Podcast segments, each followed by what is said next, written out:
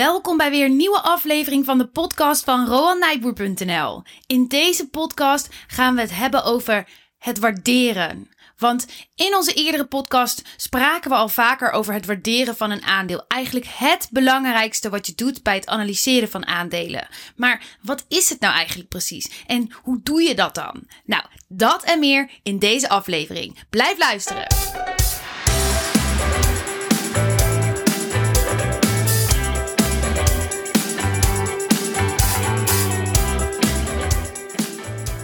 Ja, leuk dat je weer luistert. Mijn naam is Barbara. En ik ben Rohan. Ja, en Roan, we hebben het al zo vaak genoemd in eerdere podcast. En de vorige podcast met Lennart Remijsen ging ook heel erg over waarderen. Het waarderen van een aandeel en de verschillende manieren waarop je dat kan doen. Ja, en die ging lekker de diepte in.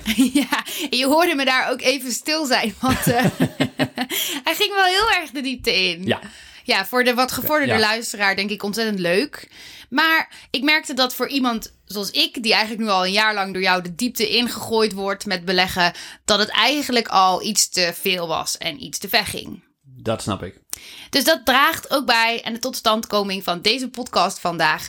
Waarin het ons leuk lijkt om voor jou als luisteraar te verduidelijken wat waarderen nou eigenlijk precies is. Ja. Ja. Ik denk de belangrijkste vraag, hoeveel is een aandeel waard? Waarderen, hoeveel is het waard? Dat waardeer je, de ja. waarde. Ja, ja. Want eh, als, je, als ik al mag beginnen, eh, als je van een afstandje het bekijkt, dan is er vaak de beurskoers. En wat ik heel vaak zie is dat mensen een aandeel kopen, Tesla, omdat ze een mooi product maken.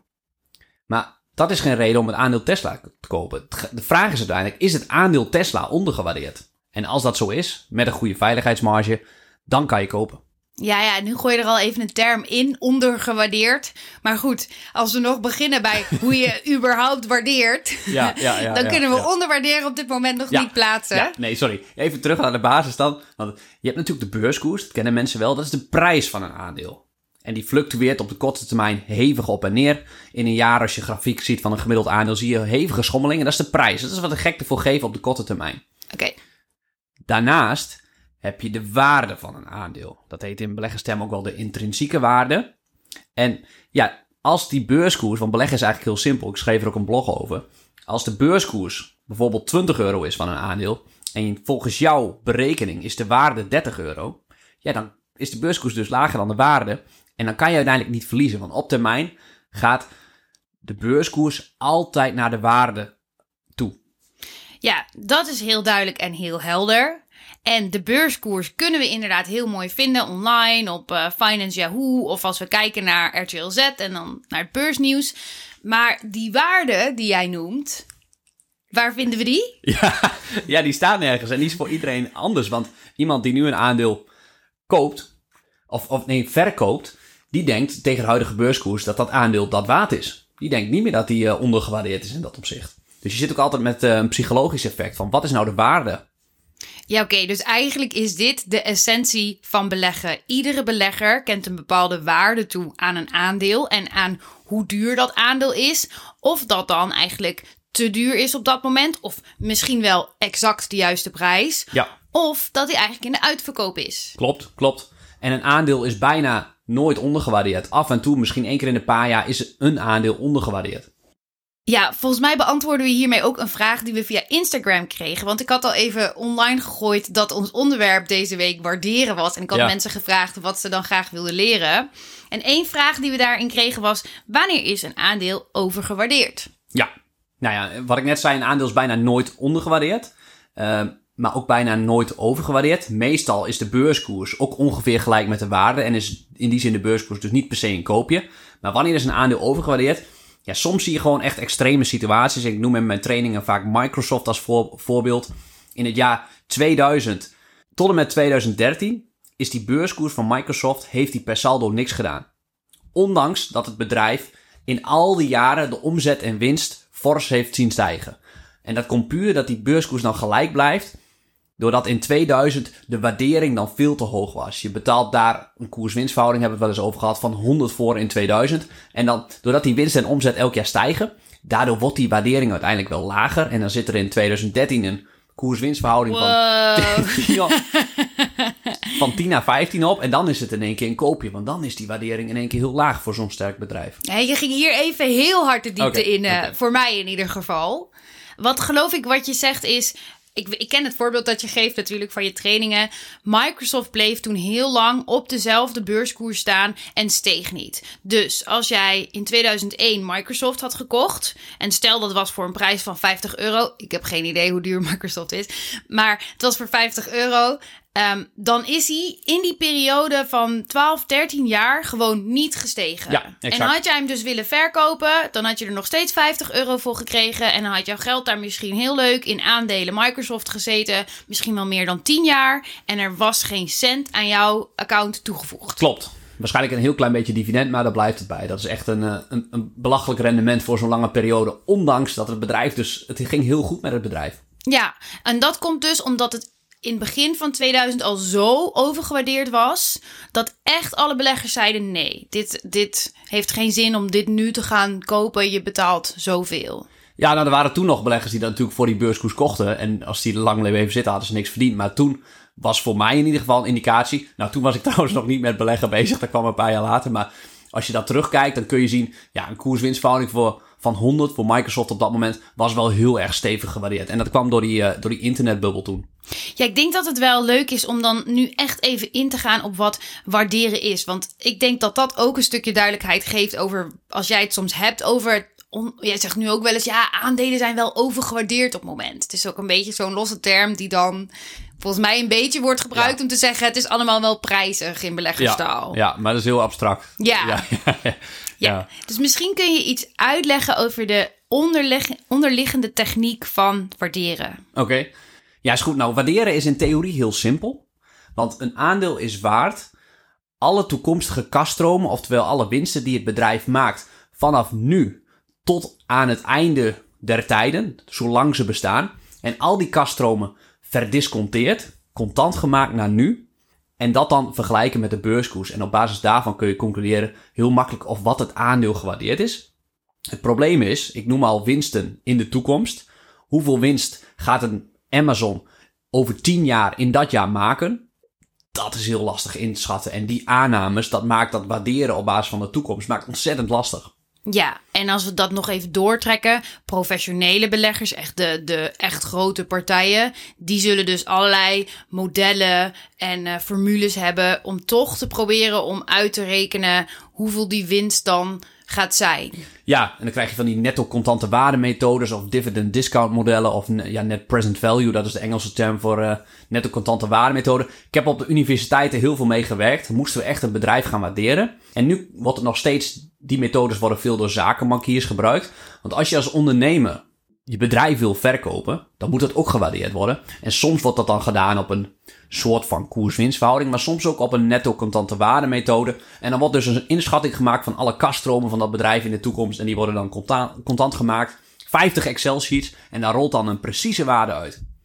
Ja, want je neemt dus ook mee dat als ik nu een bedrijf ben, ik wil het verkopen, dat ik al wel, als het bedrijf gewoon doorgaat zoals ik het nu heb ge- opgebouwd, dat het dan bepaalde winst gaat draaien. En een soort van op een fictieve manier verkoop ik die winst dan ook aan jou. Ja, En daar moet Ja. jij dus voor betalen. exact, exact. Daar doe je aannames voor van hoeveel gaat de winst de komende 10 jaar stijgen en wat gebeurt daarna. En, eh, maar dat zijn allemaal aannames en daarom werkt die manier van waarderen ook niet. Dat is heel gek. Zakenbankiers gebruiken dat. Die netto contante waarde-methode dat ik zeg. Maar de echte topbeleggers als Warren Buffett en dergelijke, die gebruiken dat niet. Want het werkt niet. Ja, ik hoor je enthousiasme en je passie echt helemaal terugkomen. Maar we waren nog bij dat veel simpelere stukje van wat is waarderen en de techniek daarachter. Ja, ik ja, beloof ja. dat je verder op los mag gaan over de, de methode. Waar het dus op neerkomt, als ik jou goed begrijp, is dat je bij waarderen een inschatting probeert te maken van de prijs die je nu betaalt ten opzichte van de toekomstige winsten die je nu nog verwacht. Ja, Een enige uitgangspunt dat je hebt is de winst van nu. Maar die biedt op geen enkele garantie. Die biedt op geen enkele manier garantie voor de toekomst. ja. De winst die het bedrijf nu maakt, bedoel Ja, je? want het ja. kan verdubbelen. Ja, Maar het zou ook kunnen zijn dat over vijf jaar het bedrijf niet meer bestaat. En er dus geen winst meer is. ja, En als je het dus hebt over een hele hoge waardering. ja. Waar heb je het dan over? En dan bedoel jij een hoge waardering bijvoorbeeld hele snelle groeien zoals Netflix of Amazon? Nee, je zegt dat wel eens in een podcast. Van ja, hier bedrijven ja, die hebben nu wel een hele hoge waardering. Wat, wat bedoel je dan eigenlijk? Ja, dat, dat betekent dan dat de toekomstverwachtingen van het bedrijf al te sterk vertegenwoordigd zijn in de huidige beurskoers. Oké, dus de huidige beurskoers is dan al eigenlijk hoog voor de prestaties van nu. En dat Ja. het hoger is dan hoe het nu presteert, heeft te maken met dat beleggers al uitgaan van de toekomstige winsten en de toekomstige situatie. Exact, die beurskoers is dus in de afgelopen paar jaar dan al vooruitgelopen op die hele mooie rooskleurige verwachtingen in de toekomst. En daardoor is die beurskoers al heel erg gestegen. En dat kan zelfs veel meer zijn dan dat ik inschat dat de toekomst rooskleurig gaat zijn. Ja. Als je begrijpt wat ik bedoel. En dan, als je dat echt extreem doortrekt, kom je weer bij die Microsoft-situatie waar we het eerder over hadden. Ja, ja, ja, Ja, dat het echt overgewaardeerd is. exact. Ja, oké. Ik hoop dat we het waarderen nu goed genoeg hebben uitgelegd. Misschien kun je het nog in één zin samenvatten. Ja, nou, dat de prijs die je betaalt voor een aandeel heel iets anders kan zijn dan de waarde. Vaak zijn beide aan elkaar gelijk, de prijs, de beurskoers en de waarde, de intrinsieke waarde. Maar soms zijn ze verschillend en dan kun je kopen als de beurskoers dan 20 is en jij denkt dat de waarde 30 is. En dan koop je, zo simpel is dat. En, eh, want zo kwam volgens mij ook nog een vraag binnen over de veiligheidsmarge, waar Warren Buffett het altijd over heeft. Dat je het liefst met een veiligheidsmarge van 50% ten opzichte van de beurskoers een aandeel wil kopen. Dus in dit geval beurskoers 20, waarde 30, dan zit daar 50% tussen. En dan kan je het bijna niet misdoen. Als je die waarde goed hebt berekend tenminste. Ja, maar nu zeg jij nu heel mooi, maar volgens mij heb ik je ook al horen zeggen dat dit ontzettend moeilijk is. Ja, omdat hier zoveel factoren bij komen kijken, dat waarderen. Want waarderen is, wat mij betreft, iets altijd wat na het onderzoeken van het bedrijf komt. Je gaat eerst het bedrijf onderzoeken en dan begrijp je het uiteindelijk. En dan kun je iets inschatten over de kracht van het bedrijf en een goede management is. En dan op het eind pas ga je zeggen, hey, is die waardering of is de beurskoers nu lager dan de waarde die ik denk dat het bedrijf heeft? Maar dat is een, dat is een heel proces. Ja, en zijn die bedrijven er ook wel echt dan? Wat bedoel je? Die zo ondergewaardeerd zijn? Ja, ja, ja, van, ja, zeker. Want als je het over een Facebook hebt, in 2018 kocht ik die. Eh, toen stond de beurskoers rond de 140 dollar. En de koers-winstverhouding, waar we het wel eens eerder over gehad hebben in de podcast, is gemiddeld 15 van alle bedrijven. Maar Facebook stond toen ook door die daling, dat privacy-schandaal, ook de beurskoers op 15. Ja, dan is het een bovengemiddeld sterk bedrijf met hele goede groeivooruitzichten, wat dan voor een gemiddelde waardering noteert. Ja, dan, dan is dat een koopje. En ook Apple. Oké, oké, oké. Wacht, volgens mij snap ik het. De koers-winstverhouding, wij noemen dat heel vaak. Ja. En dat is dan een, een waarderingsmethode. Ja. En volgens mij werkt het dus als volgt. De meeste bedrijven maken een bepaalde winst. En omdat ze bijvoorbeeld al volwassen zijn, of het is niet echt een groeimarkt waarin ze zitten. Dus er zijn niet heel veel meer mogelijkheden om hun winst bijvoorbeeld echt nog een keer te verdubbelen of zo. En daardoor kom je erop uit dat het vaak een koers-winstverhouding heeft van 15. Het gemiddelde. Ja. Ja. En misschien kan je nog even uitleggen wat die 15 betekent als je, dit, als je deze berekent, de koers-winstverhouding. Nou, een koers-winstverhouding van 15 is eigenlijk dat je 15 keer de winst betaalt. Dat is een multiple op de winst. En stel dat de winst van het bedrijf de komende 15 jaar gelijk blijft. Dat is bij de meeste bedrijven niet, maar stel dat het zo is. Dan duurt het 15 jaar voordat je eigenlijk je inleg terugverdiend hebt. En daarna wordt het pas echt leuk. Ja, want dan ga je iets extra's verdienen. Maar als je 15 jaar moet wachten op je inleg, ja, dan is dat een eh, rendement van 6, 7 procent per jaar. Ja. En ja, dat, dat is oké, maar dat is niet eh, veel voor de risico's die je misschien loopt bij dat aandeel. Oké, oké. Ik geloof dat ik net niet helemaal snap waarom je dan 6 of 7 procent verdient. Oké. Ja, een koers-winstverhouding is dan eh, een waarderingsmethode, maar je hebt ook eh, de winstrendement, de earnings yield in het Engels. Ik ken het Nederlandse woord niet helemaal. Maar koers-winstverhouding van 15 betaal je 15 keer de winst. Dus 1 op 15 is, als je dat deelt door elkaar, 6, 7 procent, 6,6 procent rendement per jaar op die investering. Ze kijken me aan. Oké, nou ja, wiskunde was nooit mijn eh, sterkste vak. Ik neem dit van je aan. En, Hey, mag ik nog een poging doen? Jawel. Oké, stel de beurskoers van een bedrijf is 15. Ja, En de winst die ze maken is 1 euro per aandeel. ja, En jij koopt voor 15 één aandeel. ja, En dan is jouw winst die je in jaar 1 hebt, 1 euro op die 15. En dat is dan 1 gedeeld door 15, 6, 7 procent. Dus dan maak je als alles gelijk blijft, 6, 7 procent rendement per jaar met dit aandeel. Ah ja, en ik denk dan heel moeilijk, want ik denk dan ja, maar ik ben niet de enige die aandelen heeft. Dus die winst die moet dan ook nog een keer door alle aandeelhouders, zeg maar door alle aandelen heen. En Ja. dan is het nog maar net hoe die verdeeld wordt. Ja, dat klopt. En of dat uiteindelijk nou ook naar je toe komt door dividend of hoe dat, of dat veel later naar je toe komt, dat zijn allemaal factoren. Maar dit is dan een hele simpele situatie als alles gelijk blijft en je die volledige winst als dividend uitbetaald krijgt. Ja, je weet het er juist weer heel moeilijk van. Oké. De bedoeling was om waarderen wat simpeler uit te leggen in deze podcast, hè? Oké, nou wat ik, wat ik ervan begreep, en zeker dan met die koers-winstverhouding, is het duurt dus dan 15 jaar om je, win, om, om je inleg er weer uit te krijgen, in dat je het uitbetaald krijgt in winst. Ja, dat is je terugverdientijd. Zo zou je dat kunnen zien, maar dat is nog steeds wel abstract. Want de vraag is of je dat daadwerkelijk al terugbetaald krijgt in de vorm van dividend. Ja, ja oké. En, maar dat is het gemiddelde. Doordat Ja. niet alle bedrijven in groeimarkten zitten. Niet alle bedrijven kunnen nog heel erg hun winst verdubbelen. En daardoor kom je op een gemiddelde voor alle bedrijven van 15 uit. Ja. En wanneer jij dan spreekt over een bedrijf als Facebook, dat duidelijk geen gemiddeld bedrijf is, maar eigenlijk echt een, een topbedrijf, echt ook presterend als een topbedrijf met de bijbehorende rendementen, Ja. dan zou zo'n gemiddeld rendement veel te laag zijn. Ja. Ja. Oké.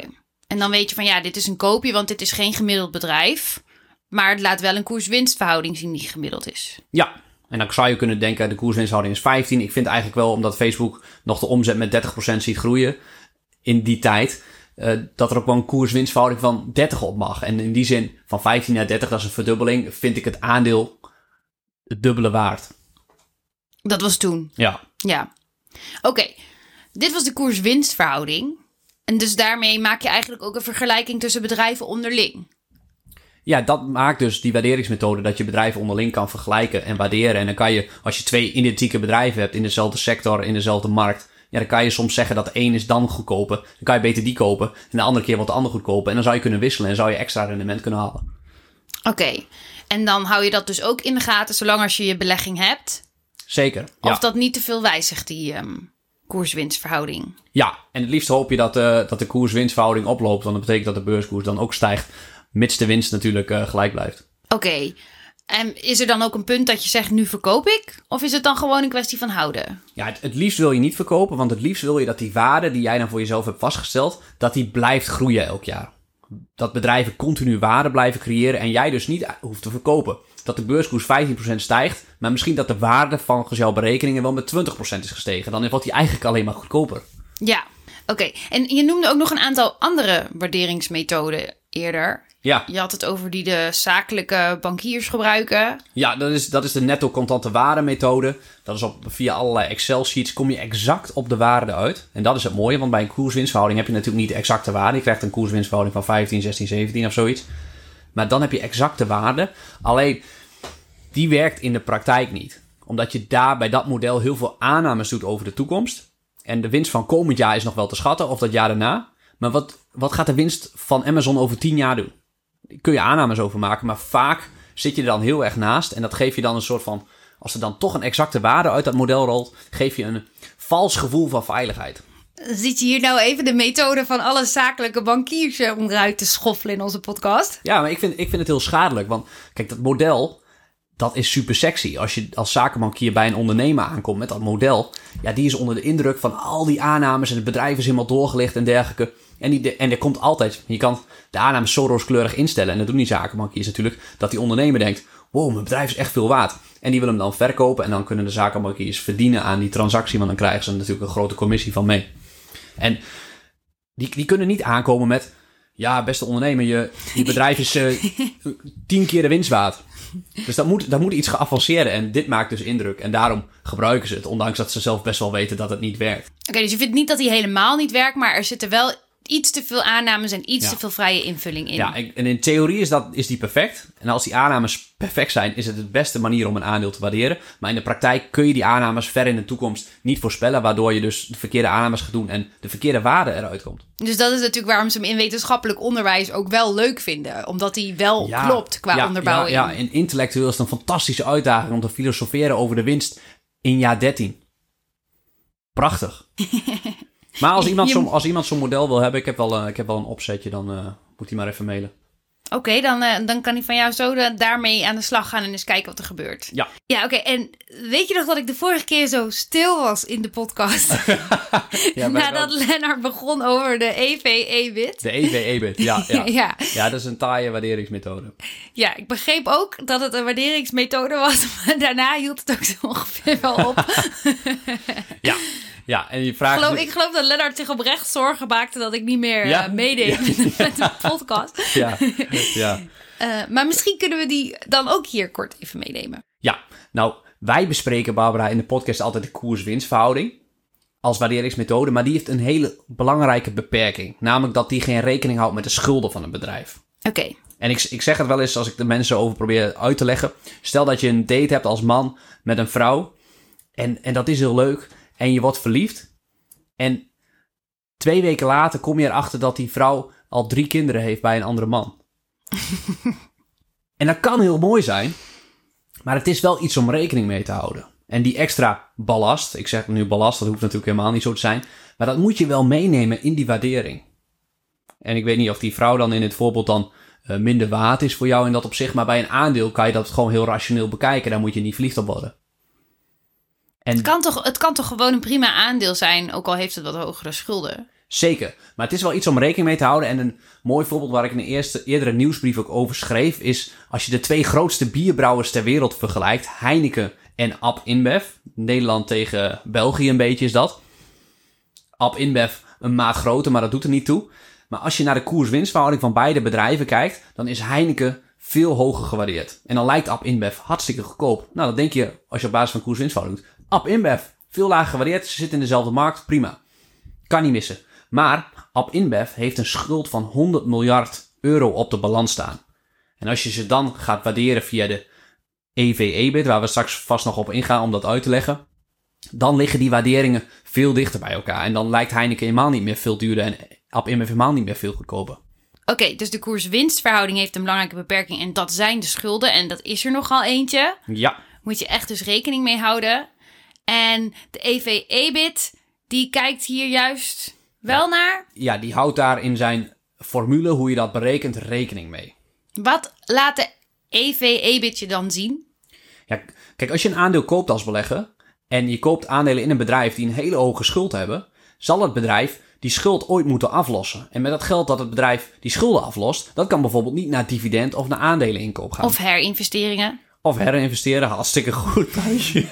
Ja, als aandeelhouder wil je ook de toekomstige groei op het oog houden. Dus je wilt ook zien dat er geld overblijft voor andere dingen. ja, en daar moet je echt een afslag voor doen in je waardering.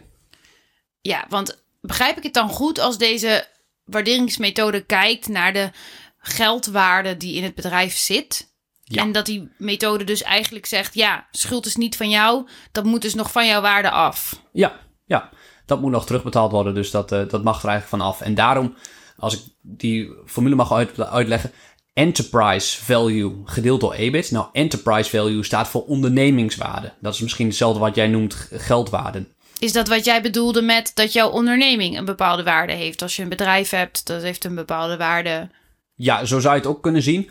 Maar in, in dit geval is het de ondernemingswaarde bereken je door de waarde van het bedrijf zelf op de beurs. Dat heet de marktkapitalisatie. Oké, uitstaande aandelen keer de Keer beurskoers. de beurskoers, heel goed, heel goed.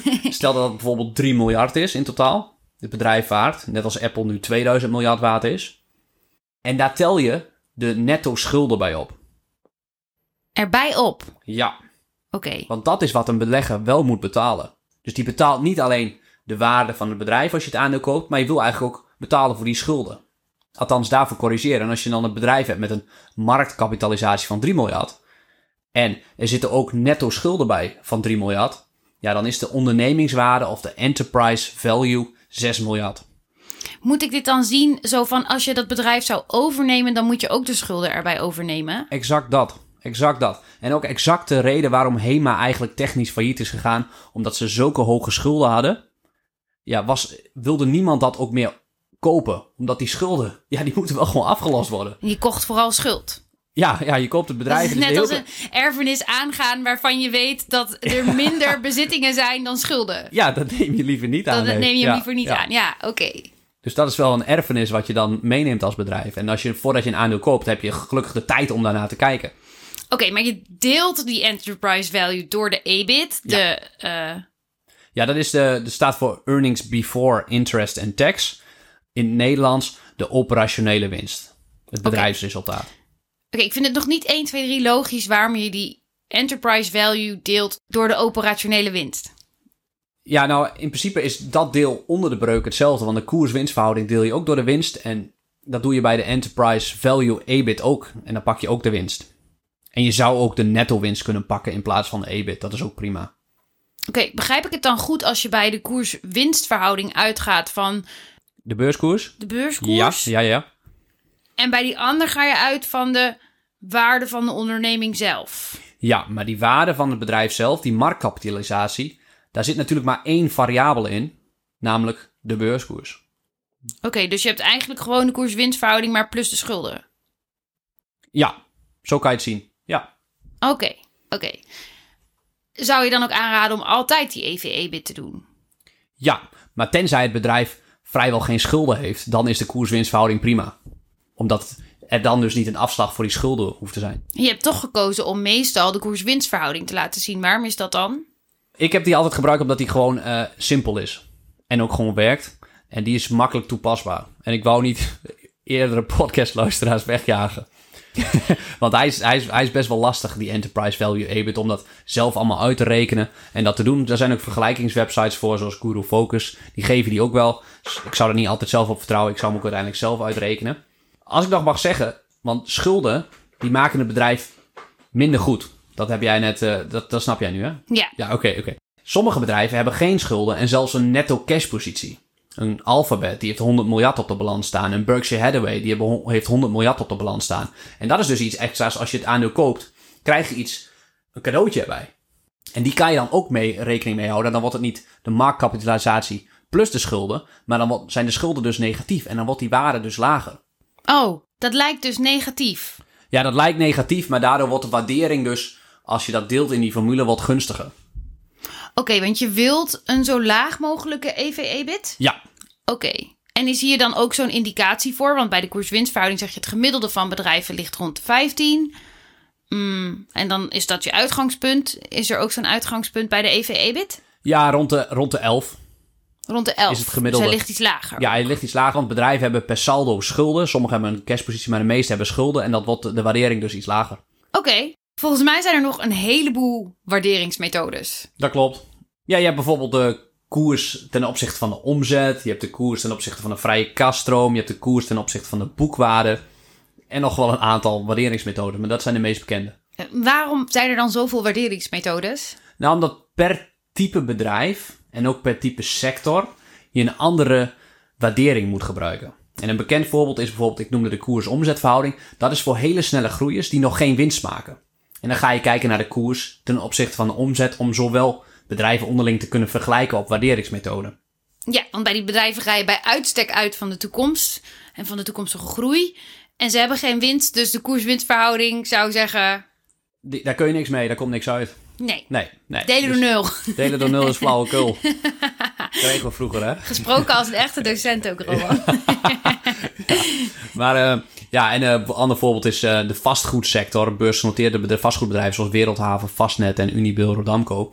Daar is de koers-boekwaardeverhouding heel belangrijk. Omdat het belangrijkste bezitting van het bedrijf is, is niet dat verdienmodel of het competitieve voordeel, maar dat is gewoon het vastgoed. En dat heeft een bepaalde waarde. En je wil dan weten hoeveel die waarde van dat vastgoed is per aandeel. En dat dan vergelijken met de beurskoers. Oké, dus dan heb je weer, omdat het een hele, ja, het is een heel ander type bedrijf en de financiën zien er heel anders uit. En dus heb je daar ook een hele andere waarderingsmethode bij. Ja, ja. Heb je nog meer van dat soort voorbeelden? Nou, de, ik noemde de koersvrije kaststroom bij hele kapitaalintensieve bedrijven, die dus heel veel geld moeten investeren om te groeien. Het bekendste voorbeeld zijn cruisemaatschappijen. Als die willen groeien en meer cruise tickets willen verkopen, dan moeten ze een nieuw schip kopen van een miljard. Dus alle groei van dat bedrijf gaat enorm veel geld kosten. Ten opzichte van een softwarebedrijf dat al een product klaar heeft en groei helemaal niks kost. En daarom wil je kijken naar de vrije kaststroom. Want die cruisemaatschappijen die hebben hele lage vrije kaststroom. Omdat ze zoveel moeten investeren in die, ja, in die vaste activa en in dit geval schepen. Oké. Maar en je wilt dan weten, dat betaalt zich misschien alsnog wel in de toekomst uit. Waardoor het alsnog een hele interessante belegging kan zijn. Ja, dat klopt, Bar. Maar elk bedrijf, als de prijs maar goed is, als de waardering laag genoeg is, daar kan je een rendement mee halen. Uiteindelijk kan elk bedrijf een goede belegging zijn, als de waardering maar laag genoeg is. Kan je dan niet gewoon eerst naar de waardering kijken? Ja, dat is heel gevaarlijk, want dan denk je misschien... Kijk, als je het bedrijf kent, dan kun je gelijk naar de waardering kijken. Maar als je het bedrijf niet kent, dan ga je kijken naar die waardering en dan denk je... hé, hey, een uh, koerswinstverhouding van 10. Dat klinkt wel goed, ligt onder de 15. Ja, dan denk je goedkoop en dan koop je het. Maar dan heb je misschien een hartstikke zwak bedrijf... die alleen maar in een krimpende eindmarkt zit... met slecht management en een zwak competitief voordeel. Ja, dan ga je nat. Ja, dus het is belangrijk om altijd naar, het, naar dat geheel te kijken. Ja, ja, een waardering kan je nooit loszien van de kwaliteit van het bedrijf. We hebben er een beleggingsmodel voor. Je kijkt naar verschillende zaken. En uh, ja, ik heb zelf een uh, 100 criteria waar ik dan naar kijk. En daar op basis daarvan probeer je een weging te maken van wat zijn nou de echt belangrijke factoren die het verschil maken. En dan ga je eigenlijk het beste is dat je helemaal nog niet naar de beurskoers gaat kijken in je belegging. Dat is best moeilijk, want die wordt, is overal zichtbaar. Maar dat je eerst het bedrijf gaat onderzoeken. Tada, supermooi bedrijf, allemaal heel goed. En dan ga je uiteindelijk, voordat je naar de beurskoers bekijkt, bepalen wat vind ik dit aandeel waard. Ja, dat kun jij met al je ervaring. Maar ja, wat je mij ook sorry, voor cijfers geeft, ik zou nooit weten wat voor een beurskoers daar dan bij hoort. Ja, Dit is de omgedraaide ervaring wat jij doet. Jij hebt al zoveel be bedrijven gezien met hun winst en hun schulden en de financiën, dat je een beetje een idee bent gaan vormen over wat voor een beurskoers daar dan gezond bij is. Maar ik heb hier echt geen, uh, geen idee van. Ja, nee, dat, komt, met, dat komt met ervaring, ja. ja, ik vind je suggestie heel leuk, maar ik maar zou zo, niet... Zo maak je het wel rationeel. Het is een goede oefening als je echt beleggen wil leren. voordat je de beurskoers ziet, gaan bepalen wat is het aandeel waard. Maar hoe doe je dat dan? Door niet naar de beurskoers te kijken. Ja, maar hoe weet ik nou of een bedrijf een beurskoers van 30 of 2000 euro moet hebben? Ja, dat, dat, dat is denk ik ervaring. Dat je uiteindelijk zegt van bijvoorbeeld deze, ik vind dit bedrijf deze koerswinstverhouding waard van 30. En als de koerswinstverhouding dan maar 20 is, ja dan uh, goede deal. Op mijn gelimiteerde ervaring. Ja, ja maar dit, dit, komt met ervaring. Als je, dat, als je daar veel mee gaat oefenen, dan, uh, dan leer je dat. Oké, het is dus in ieder geval als je bedrijven gaat bestuderen, dan goed misschien om te gaan kijken naar die verhoudingen. En om dat dan een beetje, ja, gewoon te gaan observeren om daar feeling mee te krijgen. Ja, ja, ja. En ik, ja, ik, ik zou dat iedereen aanraden, want ik, ik kom nog, denk ik, te vaak tegen dat iemand dus, wat ik aan het begin zei, een aandeel koopt omdat ze het product mooi vinden. En dan wordt er niet eens naar de waardering gekeken. Ja, ik denk dat je dan nat gaat en dan kan je misschien beter veilig gaan index beleggen. En in ieder geval weet je dan misschien dat je geld niet daar is waar het het beste rendeert. Exact, want misschien is wel een ander aandeel veel aantrekkelijker gewaardeerd. Met een minder mooi product. Met een minder mooi product. Heel ik snap, goed. Ik snap, heel goed. ik snap die mensen ergens wel hoor. Ja, dat ze gewoon denken, ja, ik ga mijn favoriete bedrijf steunen. Tuurlijk, tuurlijk, tuurlijk. Zolang je maar niet verliefd wordt op een aandeel. Ja, en Rohan, die 100 criteria die jij noemde, hè, dat is een soort checklist die je hebt. Ja. Ik ga die uh, beschikbaar maken voor mensen op de website, zodat okay. je die kan kopen okay. als ze ja, dat ja, leuk vinden. Ja. Maar misschien is het dan goed dat je nog even aan mensen uitlegt wat jij er precies mee doet en wat je ermee kan. Nou, die checklist helpt mij heel erg om mijn beslissing te rationaliseren. En bovendien dat ik overal aan gedacht heb. Want het zijn allemaal criteria op verschillende gebieden. Op die basis van die, uh, van die vier trappen die wij altijd noemen. Op verdienmodel, management, competitief voordeel en ook waardering uiteraard. En daardoor maak je betere afgewogen beleggingsbeslissingen. Als je voordat je het aandeel koopt, na je onderzoek, door die beleggingschecklist haalt. Hm. Dan weet je zeker dat je aan alles hebt gedacht. En je hebt nog een soort reflectief moment van... wil ik dit echt? En ik neem aan dat er ook psychologische factoren in ja, zitten. Ja, ja, ja, zeker, zeker, zeker. Oké. Bijvoorbeeld of je, of je goed geslapen hebt. Want als je dat niet hebt, dan... Uh, ik raad ook nooit aan om beleggingsbeslissingen te nemen tijdens dat de beurs open is. Doe dat in de avond of doe dat in het weekend. Zodat je niet door de waan van de dag gegrepen wordt om een overhaaste beslissing te nemen. En uh, ja, ik denk dat heel veel mensen dan het idee opkomt van... mis je dan niet momentum als je dat doet? Dat zou kunnen, ja. Ik, en ik laat best wel eens uh, rendementen liggen in dat opzicht. Maar ik, ik wil gewoon een heel goed rendement tegen niet al te hoge risico's op de lange termijn. En dat gaat heel goed. En dat zal nooit het beste rendement ter wereld zijn. Maar wel veel beter dan een indexbelegger gemiddeld. En dat gaat heel goed. Oké, okay, daar gaat het om. Ja. Oké, okay, nou, ik snap de waardering nu. Om even af te ronden. En uh, ik hoop de luisteraar ook. Oké, Rowan, tot slot hebben we nog een aantal vragen gehad via Instagram. En sommige hebben we al genoemd in de Ja. podcast. Maar er was ook nog eentje van Thijs. En die zei: Geloof je zelf ook meer in kleinere Nederlandse aandelen van bijvoorbeeld de midcap of de smallcap? En die dus ook minder geanalyseerd worden. Eh, ja, da- daar wordt veel minder naar gekeken door experts en professionals, omdat die dan soms niet in die kleinere bedrijven kunnen beleggen. Want stel dat je een fondsmanager bent en je moet miljarden beleggen, dan kan dat niet in een bedrijf wat maar... eh, 1 miljoen waard is. ja, ja, dat is heel lastig, heel lastig. Gelijk het bedrijf Ja. overnemen. is ook exact de reden waarom Buffett de afgelopen tien jaar eh, de index niet heeft verslagen, denk ik. Omdat hij zo groot is dat hij alleen maar kan kiezen uit de allergrootste bedrijven. Maar zeker op de hele kleine, op de small cap, daar zijn er heel veel aandelen, denk ik, die, die best wel heel laag gewaardeerd zijn. En dat de laatste tijd ook blijven, want die aandelen zitten wat minder in de technologie. En je ziet nog steeds een verschuiving van beleggers. Van ja, van niet-technologie aandelen naar technologiebedrijven, de corona-winnaars, zeg maar. En ja, de vraag is hoe lang gaat dat door? Ik denk dat gemiddeld als je een mandje koopt met corona-winnaars, bedrijven die profiteren de laatste tijd, dat die waarderingen veel te hard zijn gestegen ten opzichte van de toekomstige verwachting. Als je zo'n mandje koopt, ga je denk ik slecht doen. Dan hebben we het dus over overgewaardeerd. Dat is overgewaardeerd, ja. ja. Oké. ja. Dat zijn dan echte sexy bedrijven. Als ik, ik noem een Zoom op, of, of bijvoorbeeld. Als je daar tien verschillende van koopt in die sector, ga je het de komende tien jaar waarschijnlijk slecht doen. Volgens mij vraagt hij ook nog specifiek naar eh, grotere bedrijven als Apple en eh, Alphabet. Dat analisten zoveel naar kijken en dat dat zo eh, goed gevolgd wordt, dat je daar ook heel lastig een informatievoordeel kan hebben. En dat je die gewoon in die zin koopt voor de lange termijn. En bij die kleine bedrijven op de small cap, daar kan jij dus als belegger een informatievoordeel doen, want die worden gewoon veel minder gevolgd. Oké, dus hij stelt dat er misschien meer koopjes te vinden zijn in de mid- of small cap. En jij zegt dat is misschien wel waar? Ja, ik denk dat dat een hele goede vijver is om te vissen, want de beste aandelen vind je uiteindelijk in de saaie en genegeerde sectoren. En de small cap wordt voor een groot deel genegeerd, omdat dat in die zin een stukje minder sexy is dan een Apple, dan een Google, dan een Zoom. En voor sommige grote bedrijven die dit dus echt professioneel, professioneel doen, zijn de bedrijven überhaupt te klein. Ja, ja, en als je het hebt over waardering, dan zijn daar wel koopjes te vinden. Soms is het risico alleen ook veel groter omdat ze wat kleiner zijn. Dan zijn ze wat geconcentreerder en wat afhankelijker. Dus dan moet je echt goed onderzoek doen en die bedrijven goed begrijpen. En dan komt het weer allemaal mooi samen, want je moet ook naar de rest blijven kijken. De cirkel is rond. En niet alleen naar de cijfertjes. Oké, nou volgens mij is dit een mooi moment om af te sluiten. Oké. Ja. En eh, luisteraar, als je vragen hebt, blijf ze sturen. Of als je podcast onderwerpen hebt die je graag een keer voorbij zou horen komen. Dat waarderen we. Ja, oké. Op de valreep, Rohan. nou, bedankt voor het ja, luisteren. echt bedankt voor het luisteren. En, En tot, tot de de volgende, volgende keer. keer. Yo.